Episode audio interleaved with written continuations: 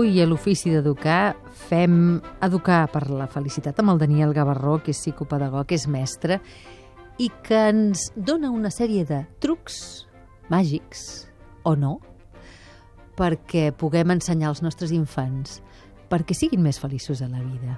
Avui quins trucs ens has portat? Avui porto un truc perquè a vegades nosaltres volem que els nostres fills estimin, no? I, i, i tant de bo poguessin estimar, de forma incondicional poguessin estimar tothom. Però saps quina és la dificultat? A qui costa moltes vegades d'estimar? A persones molt properes, perquè els nostres sentiments estan ferits, perquè a vegades hi ha una persona que és difícil d'estimar, una persona és antipàtica. Llavors, com podríem ensenyar als nostres fills i a les nostres filles a estimar que si un altre dia podem aprofundir en el significat d'estimar, però que ara el resumiríem d'una forma molt senzilla, que és desitjar que l'altre sigui feliç i que no destorbi la meva pau interior, perquè el teu fill i la teva filla conviu amb un nen i una nena que a vegades és un rotllo, és un plasta a la classe.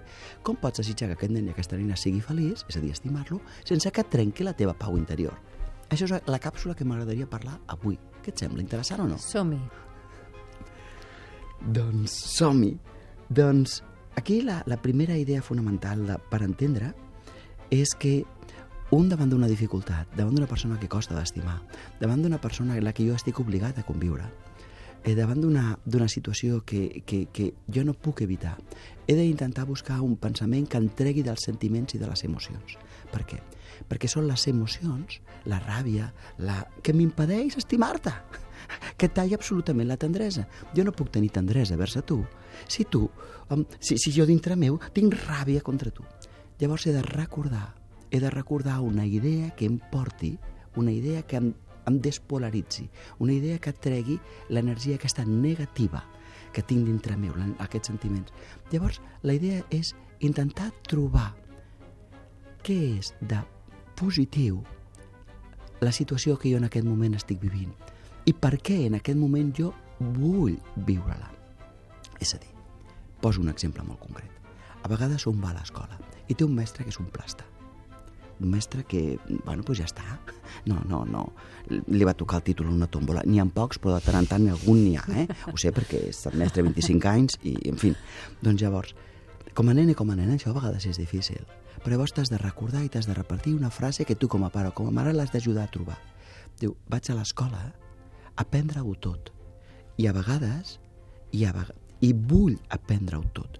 Matemàtiques, llengua, i aprendre com jo no vull ser de gran és un aprenentatge molt important i l'estic fent ara. A vegades hi ha un company que és insuportable. Vaig a l'escola a aprendre-ho tot.